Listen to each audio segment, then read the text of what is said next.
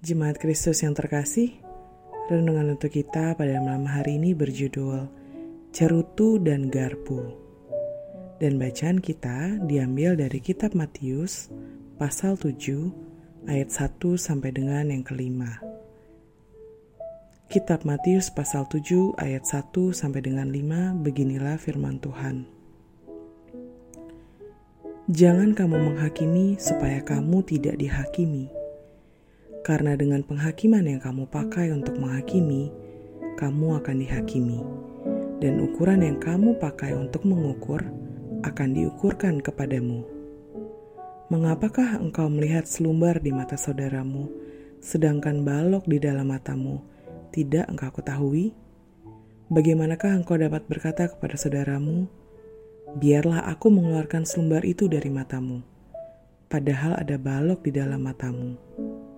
Hai orang munafik, keluarkanlah dahulu balok dari matamu, maka engkau akan melihat dengan jelas untuk mengeluarkan selumbar itu dari mata saudaramu. Konon, Charles Spurgeon mengundang D.L. Moody untuk menjadi pembicara dalam suatu kebaktian.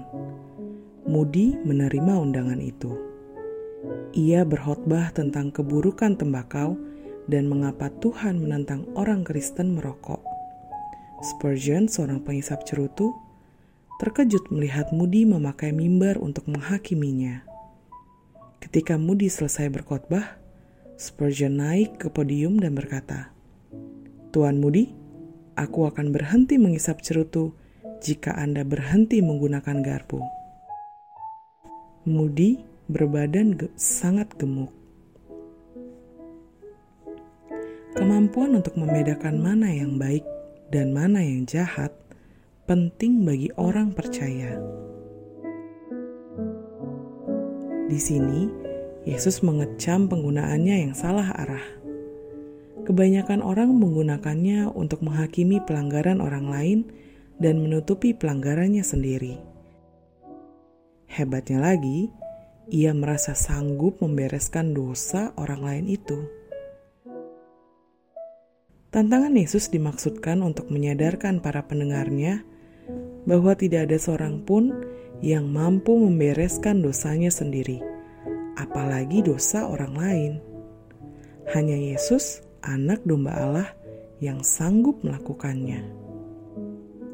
Ketika seorang penderita kanker sembuh, ia tidak akan menyombongkan kesembuhannya dan melecehkan penderita yang belum sembuh.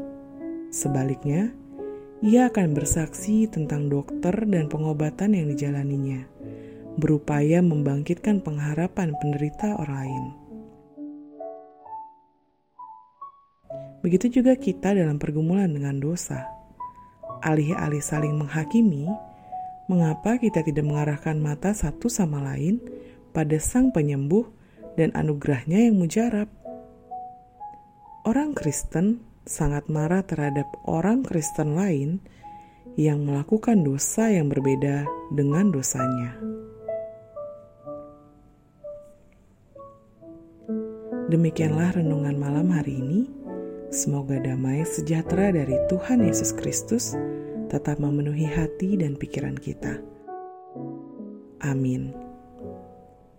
Jemaat yang terkasih, mari kita bersatu hati menaikkan pokok-pokok doa yang ada dalam gerakan doa 21 GKI Sarua Indah.